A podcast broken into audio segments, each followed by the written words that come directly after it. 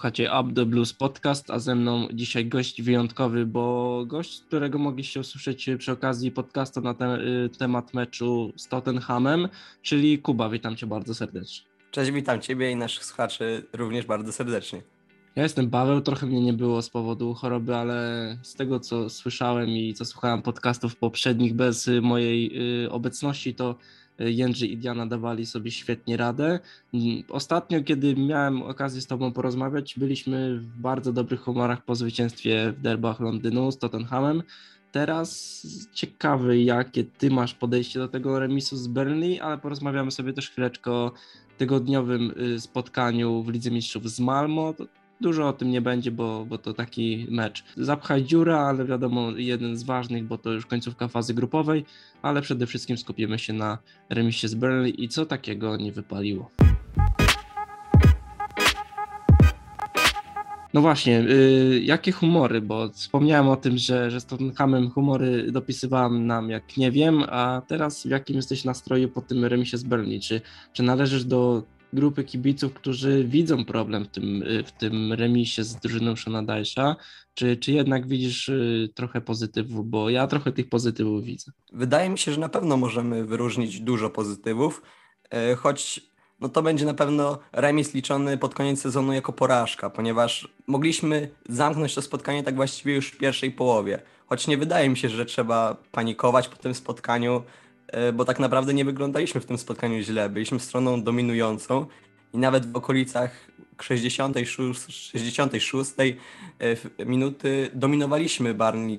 Nawet skojarzyło mi się to spotkanie ze spotkaniem z Brentford, tylko my byliśmy teraz stroną, która napierała. Nie wiem, czy się ze mną zgodzisz. No to z pewnością i ja przynajmniej ja nie zaliczam się do tej grupy kibiców, którzy naprawdę jakieś ogromne wnioski negatywne potrafią wynieść z tego spotkania, bo, bo, bo tych plusów było bardzo dużo. No, jak zwykle co do Chelsea bez napastnika i czasami z napastnikiem też, chociaż ten Romelu Lukaku miał to zniwelować, to, to największym minusem zawsze była skuteczność i w tym spotkaniu znowu to powróciło, bo sytuacji było co nie lada, a skuteczność naprawdę raziła w oczy, zwłaszcza niektóre strzały Rosa Barclaya, ale o nim sobie porozmawiamy później, bo jego też możemy sobie zaliczyć z pewnością do plusów. Y, szybko o nastrojach. Nastroje mimo wszystko są, ale wrócimy sobie do meczu z Malmo, bo od tego chciałem zacząć.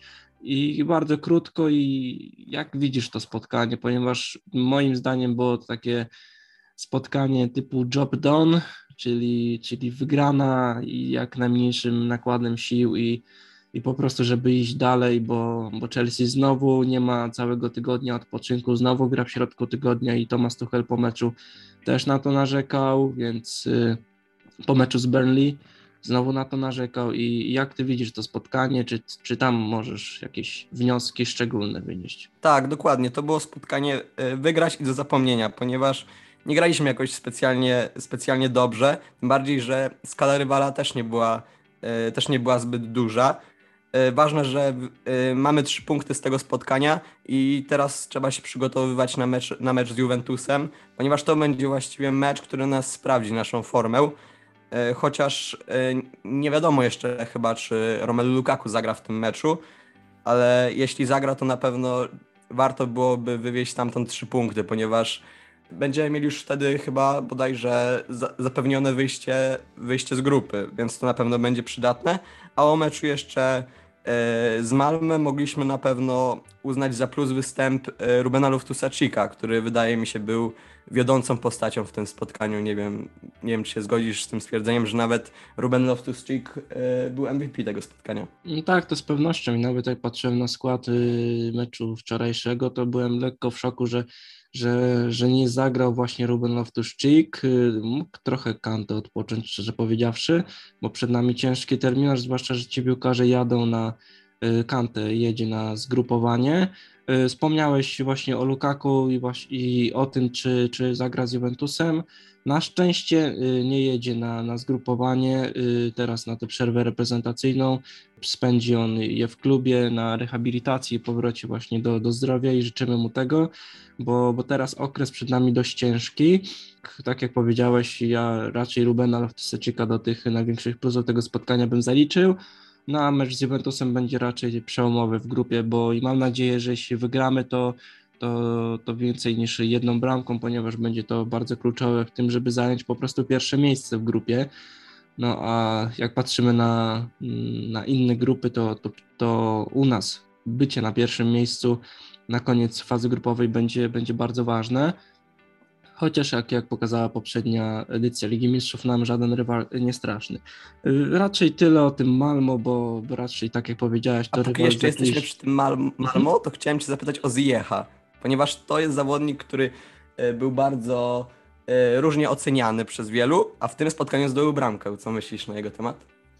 Szczerze powiedziawszy, to temat Ziecha jest przynajmniej tutaj na tym podcaście tak, tak przejedzony, bo bo, bo nie wiem, ten piłkarz no dał tę bramkę, ale, ale czy dał coś takiego ekstra przez całe spotkanie i nie wiem, mi nie podoba się jego, jego gra ostatnio i, i no po prostu ja już przestałem wierzyć w byłego piłkarza Ajaxu, bo bo trochę mnie razi jego sposób gry, jego nawet postawa, bo jeśli my mówiliśmy o, o Kaju Havercie, jego postawie na boisku, jakby tej mowie ciała i, i tak dalej, na początku jego występów w Chelsea, to, to o czym my mówimy, kiedy mu właśnie wspominamy o Ziechu, który odraża trochę tą postawą na boisku, bo też na grupie u nas y, na y, Poland y, ktoś tam wspominał właśnie o tym, że jego postawa i mowa ciała na boisku jest tak odrażająca i taka, taka że, że widać, że chłopowi, że chłopowi się nie chce po prostu być na tym boisku, że jest to od, od niechcenia i, i się zastanawiam, czy to jest po prostu taki jego luz i po prostu styl bycia, czy, czy po prostu jest coś nie tak. E, a, a patrząc na jego grę, to może chyba jest coś nie tak. Lecimy do tego, co, co raczej kibiców Chelsea najbardziej zastanawia, czyli co stało się w wczorajsze y, popołudnie na Stamford Beach. Chelsea strzeliła na bramkę 25 razy i jest to pierwszy przypadek od 2015 roku, gdzie w, domowym spotkaniu na y, Stamford Bridge wykonaliśmy tyle prób y, oddania strzału i nie udało się tego spotkania wygrać. Ostatnio, jak, tak jak wspomniałem, było to w 2015 roku z Crystal Palace wtedy przegraliśmy to spotkanie 2 do 1 i oddaliśmy wtedy 26 strzałów, czyli jeden więcej niż wczoraj. Wczorajszy remis zakończył również serię siedmiu zwycięstw z rzędu we wszystkich rozgrywkach. No i no jakby nie patrzeć, ten remis trochę, trochę boli w oczy, bo graliśmy bardzo dobrze i, i, i tak jak wspomniałeś, jak rozmawialiśmy wcześniej, jakichś wielkich powodów do, do smutku nie ma, mimo że ta skuteczność boli. I tutaj chciałem Cię od razu zapytać y, o to, czy ten mecz czasami nie jest takim meczem, który najbardziej uwydatnia fakt i dlaczego uzasadnia sprowadzenie Lukaku z Interu za takie pieniądze. Myślę, że to jest idealny przykład meczu, jakie ostatni, w ostatnim czasie nam się przytrafiały, ponieważ to był mecz, który mogliśmy tak jak już wcześniej chyba wspomniałem, zamknąć w pierwszej połowie. Po prostu tak napieraliśmy na obronę Berli, że właściwie mogliśmy wyjść na drugą połowę już z przewagą 3-4 bramek spokojnie. Po prostu strasznie szwankowała u nas nieskuteczność i tak jak wspomniałeś, e, ten mecz po prostu pokazał, dlaczego nam jest tak potrzebny Romelu Lukaku. Nawet e, ostatnio, jeszcze kiedy Romelu Lukaku nie, nie miał swojej kontuzji, też ta nieskuteczność była, więc Teraz mam nadzieję, że Thomas Tuchel pierwsze co poprawi to, to będzie atak, ponieważ e, jeśli chodzi o naszą defensywę, to możemy być spokojni. Nawet, nawet licząc tą straconą bramkę. To już jest e, czwarta w tym sezonie. Barney w tym sezonie, co ciekawe, e, w drugich połowach strzeliło zaledwie trzy bramki. Niestety ta czwarta, ta czwarta bramka Berlin musiała paść w spotkaniu z nami. Właśnie fajna statystyka, znalazłem ją pisząc zapowiedź y, na mecz y, właśnie Chelsea-Burnley, to, to to, że we wszystkich meczach Chelsea-Burnley w Premier League y, nie, nie zdarzyła się sytuacja, żeby, żeby w pierwszej połowie nie padła bramka i Kai Havertz podtrzymał te tradycje. I tutaj znowu świetna wrzutka Risa Jamesa, no i fenomenalny kolejny występ tego piłkarza. Czy zgodzisz się, że, że trochę tym meczem przyćmił y, Bena Chilwella, którego było trochę mało w tym spotkaniu? Wydaje mi się, że tak. Ja osobiście jestem, e, bar, jestem wielkim fanem Risa Jamesa, ponieważ najbardziej jego występ, pierwszy z takich już, takich bym powiedział na światowym poziomie, to był występ w finale Ligi Mistrzów. ale w tym sezonie po prostu pokazuje, że jest jednym z najlepszych, jak nie najlepszy, jak nie najlepszym prawym wahadłowym na świecie. Nawet już nie mówiąc o jego liczbach, bo je ma znakomite, jeśli chodzi o dorobek bramkowy i asysty, ale on widać po prostu po nim, że w defensywie radzi sobie tak samo dobrze, jak w ofensywie, co jest na pewno bardzo ważne w przypadku gracza, który gra na jego pozycji. Podczas y, właśnie jak już rozmawiamy o naszych wahadłowych, to, to tak nie miałem tego planowane, ale tak mi wpadło na myśl y, ostatnia wypowiedź y, Tomasa Tuchela na temat tego, czy czy, czy Risa Jamesa i Bena Chilwella można traktować jako obrońców, czy, czy raczej jako pomocników? Thomas Tuchel wypowiedział się, że na treningach przeważnie ćwiczą aspekty ofensywne i, i patrząc na ich statystyki nie możemy y, ich porównywać raczej z takim Thiago Silvą czy, czy Antonio Rydigerem i czy ty również zgodzisz się z tym, że, że, że raczej tych naszych wahadłowych y, jako takich klasowych obrońców y, porównywać nie można? Wydaje mi się, że oczywiście nie możemy porównać na przykład Bena Chilwella do Antonio Rudigera, bo to zupełnie inny typ piłkarza,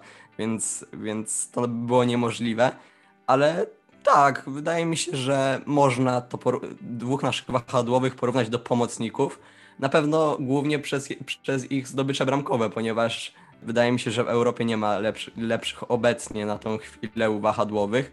No jedynie możemy się pokłócić E, z Robertsonem i Trentem Aleksanderem Arnoldem, ale wydaje mi się, że e, w obecnej formie obu naszych zawodników to, to po prostu nie ma sensu. No troszkę właśnie z, wyrzucili z tego, z tego tronu dwójkę z Liverpoolu i był pewien człowiek y, podczas przygody Tomasa Tuchela, y, jego początku na Stamford Bridge, był pewien człowiek, który występował na prawym wahadle, jest to Hudson Odoi, piłkarz, który, który wrócił na swoją nominalną pozycję, kibice się tego domagali, w końcu Thomas Tuchel y, zaczął stawiać na Anglika troszkę wyżej, nie w taki defensywny sposób, jak właśnie na prawym wahadle i skorzystał bardzo na tym, y, na kontuzji Masona Mounta, nie na kontuzji, tylko na jego chorobie.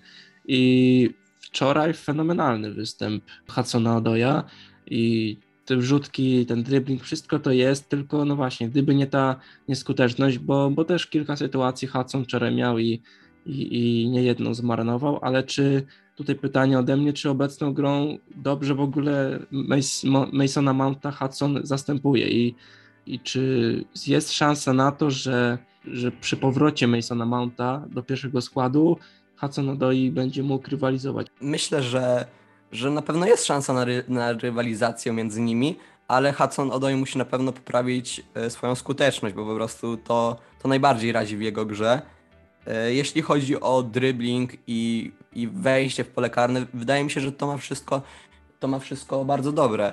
Ale a propos właśnie tej rywalizacji między naszymi zawodnikami, to jak myślisz, czy Romelu, jak Romelu Lukaku wróci, jak będzie wyglądała ta nasza trójka lub może dwójka i z jednym środkowym pomocnikiem ofensywnym z przodu? Znaczy, tak mi się wydaje, że raczej tutaj jakichś filozofii wielkich nie będzie, o ile oczywiście Christian Pulisic zacznie grać na swoim poziomie, bo, bo wczoraj o tym mówił właśnie Jędrzej na naszej grupie, że chyba z takich jedynych minusów wczorajszego spotkania, jeśli chodzi o zawodników, to to, to raczej wejście Christiana Pulisika.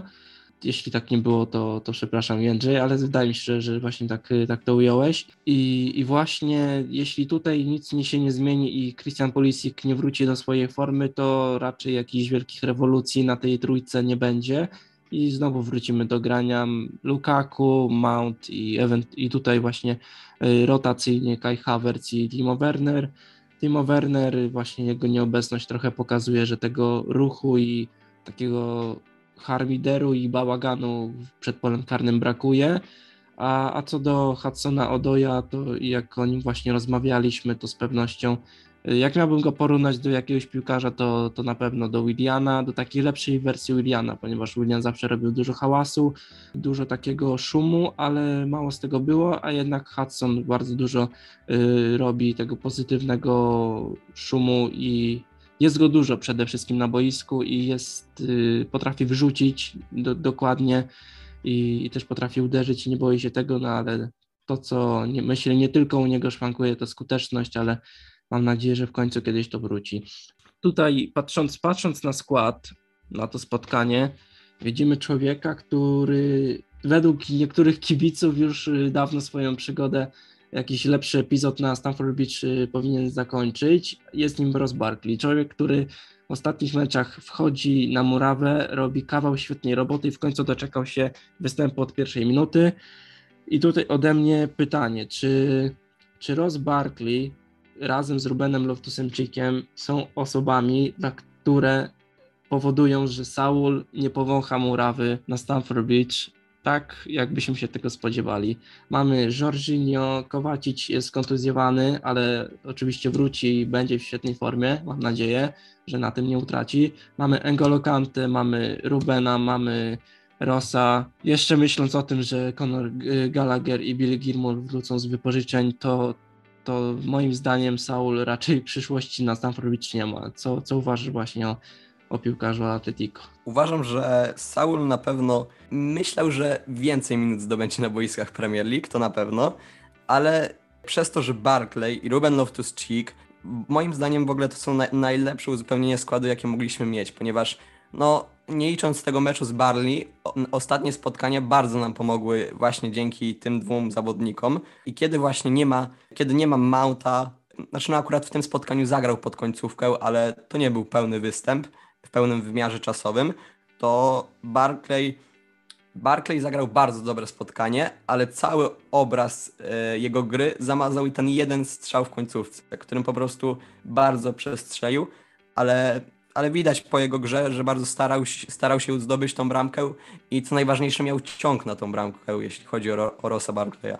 Tak, właśnie ja myśląc sobie o tym, jak zagrał Ross Barkley, no to na pewno nie można mu odmówić tego, że ten ciąg na bramkę ma i robił naprawdę kawał dobrej roboty w środku pola, no tylko te jego strzały tak mnie bolały, że to jest przerażające, jak piłkarz, który, który potrafi tak ograć, wiadomo, to są piłkarze Berni, to nie jest jakiś niesamowity poziom, ale jak y, piłkarz, który potrafi tak zakręcić obroń, obrońcą, czy pomoc, defensywnym pomocnikiem, potrafi tak fatalnie strzelać i strzał właśnie sprzed jego zejścia, gdzie powinien podać do Mena Chilwella. Ogólnie to nie był jego jedyny taki niesamowicie zły strzał i myślę, że, że do takiego idealnego występu Barclaya brakowało tych, tych dobrych strzałów, a, a to trochę, trochę raziło i ale wydaje mi się, że, że raczej tym, tym występem nie zraził do siebie Tomasa Tuchela i kibiców, bo raczej należał do tych większych pozytywów tego spotkania i zresztą o tym mówił Tomas Tuchel po meczu, że,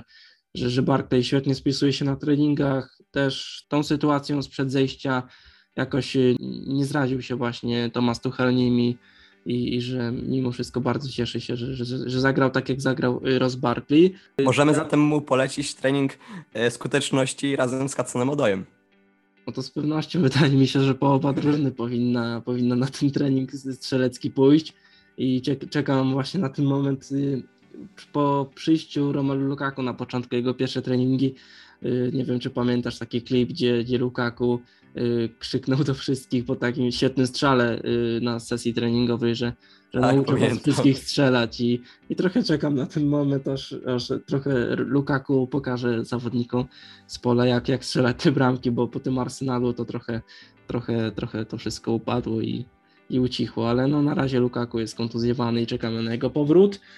I trochę o gorszych stronach. I gorszą stroną na pewno jest utrata bramki co do jasnej ciasnej stało się w tym polu karnym, że grając trzema środkowymi obrońcami, pozwalamy sobie na to, że piłkarz urywa się Antonio Rytikerowi, Thiago Silvie i, i dochodzi do takiej sytuacji, jaka się zdarzyła, że, że właśnie jeden z piłkarzy Burnley zgrywa do, do, do wydry i ten y, pakuje bramkę.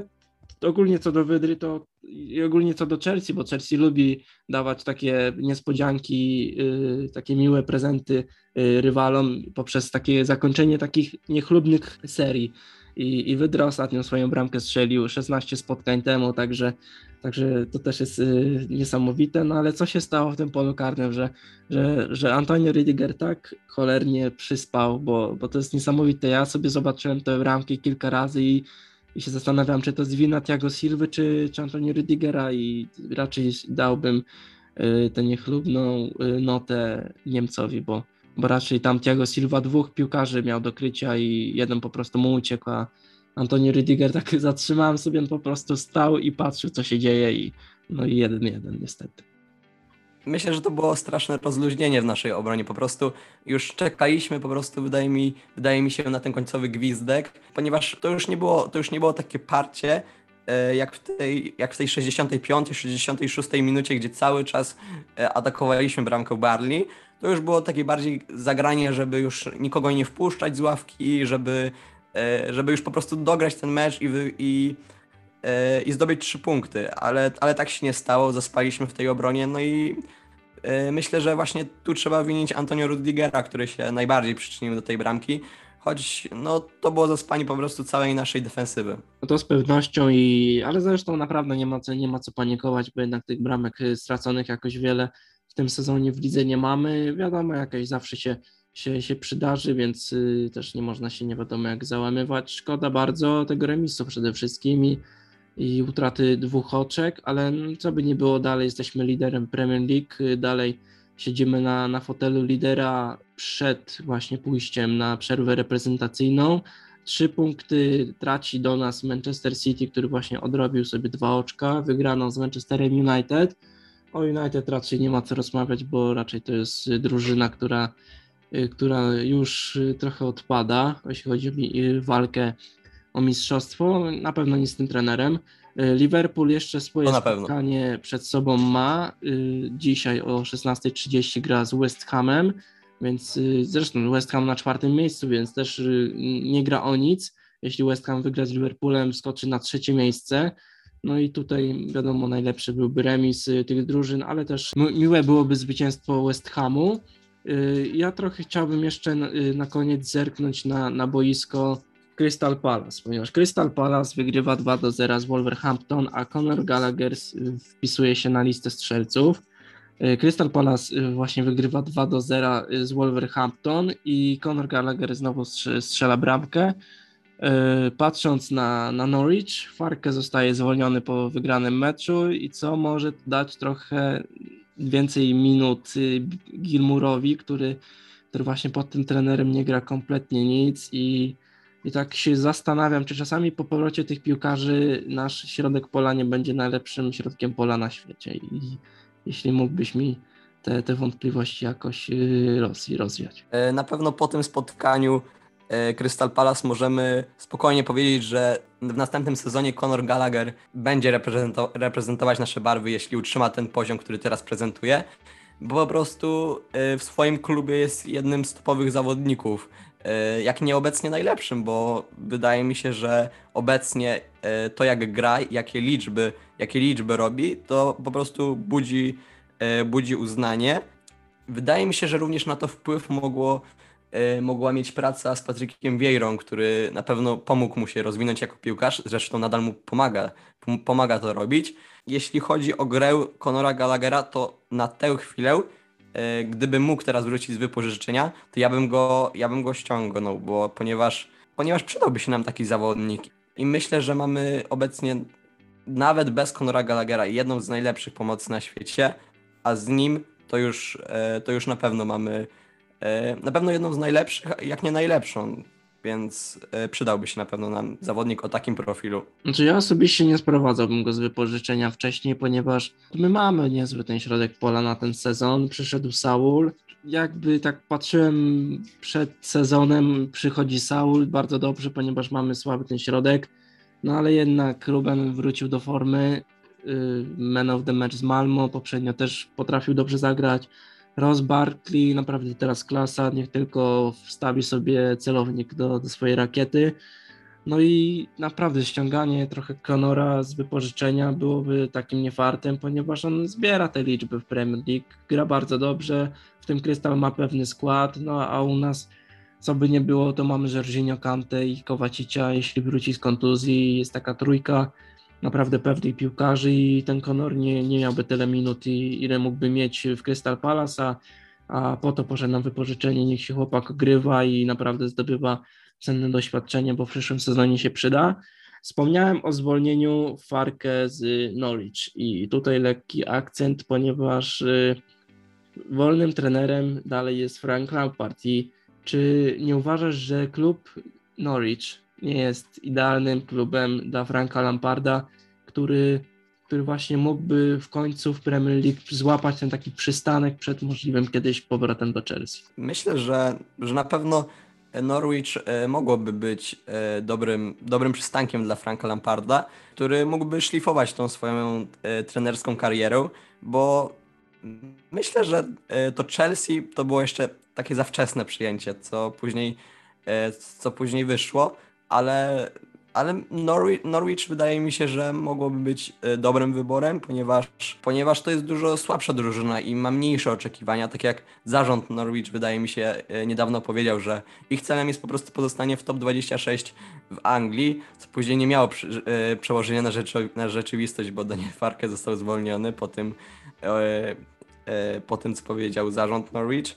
Więc zobaczymy, co będzie, co będzie dalej z tym klubem. Miejmy nadzieję, że Billy Gilmour będzie się, się, będzie się rozwijał, e, bo pod tym trenerem po prostu e, wielu minut nie zdobył. Jeszcze odpowiadając a propos naszych wychowanków, to myślę o Konorze Gallagherze wciąż i pod względem rozwoju to ten zawodnik po prostu dobrze, że zdobywa te minuty, to na pewno to na pewno dobrze o nim świadczy. Ja tak właśnie myślałem pod względem Saula, że że ten Saul tam strasznie szkodzi nam pod takim względem, że on nie ma teraz formy i dlatego za niego bym go może ściągnął, ale no na pewno pod względem rozwoju to dobrze, że jest w tym Crystal Palace i niech się rozwija i, i niech wraca w następnym sezonie.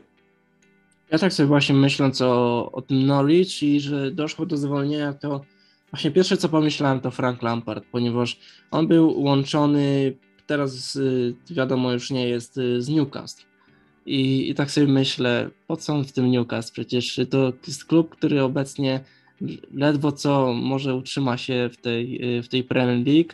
Jeśli się nie utrzyma, to, to powodzenia tym szejkom, szczerze powiedziawszy.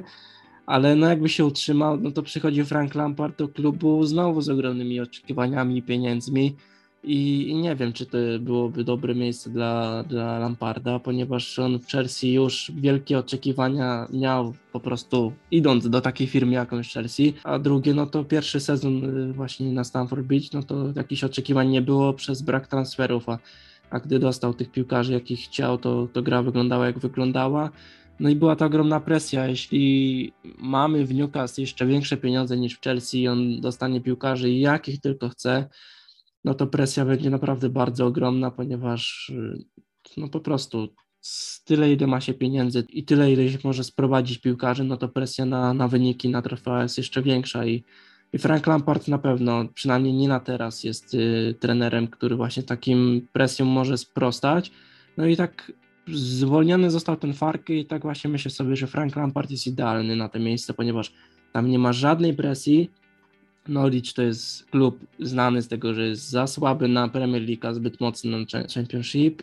No i kurczę, jakby utrzymał to Norwich, to, to naprawdę byłoby fajnie i ogólnie ja nie lubię Norwich i to jest drużyna, która, która naprawdę, jeśli potrafi zespół rozwalić całkowicie niższą klasę rozgrywkową, a w Premier League po raz kolejny nie wiadomo, który już y, gra tak fatalnie, zresztą teraz idzie po, po beznadziejny rekord y, Derby County, mimo że wygrali teraz spotkanie z Brentford, które już przestaje lekko zaskakiwać, to raczej właśnie nie chciałbym, żeby, żeby się ta drużyna utrzymała, mi, chociaż jakby Frank Lampard doszedł do, do, do Norwich jako właśnie trener, to, to bardzo bym kibicował i myślę, że to jest właśnie idealny klub dla takiego Franka Lamparda, który musi trochę podszkolić swój warsztat, y, nie tylko w Championship, ale właśnie w Premier League.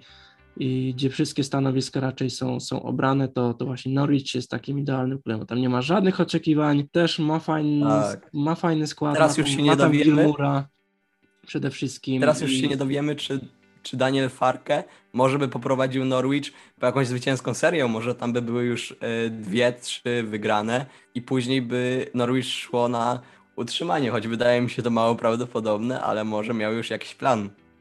Znaczy wydaje mi się, że tam powiedziane było już chyba przed meczem na pewno, że on zostanie zwolniony, bo zresztą tak też było przy okazji ostatniego meczu chyba Lamparda, bo, bo mimo wyników to, mimo dobrego wyniku ostatniego to i tak został zwolniony i ale no właśnie, no na pewno było to powiedziane przed meczem, że Farkę zostanie zwolniony i taki trochę nie fart, że oni wygrali w końcu ten mecz. Tak.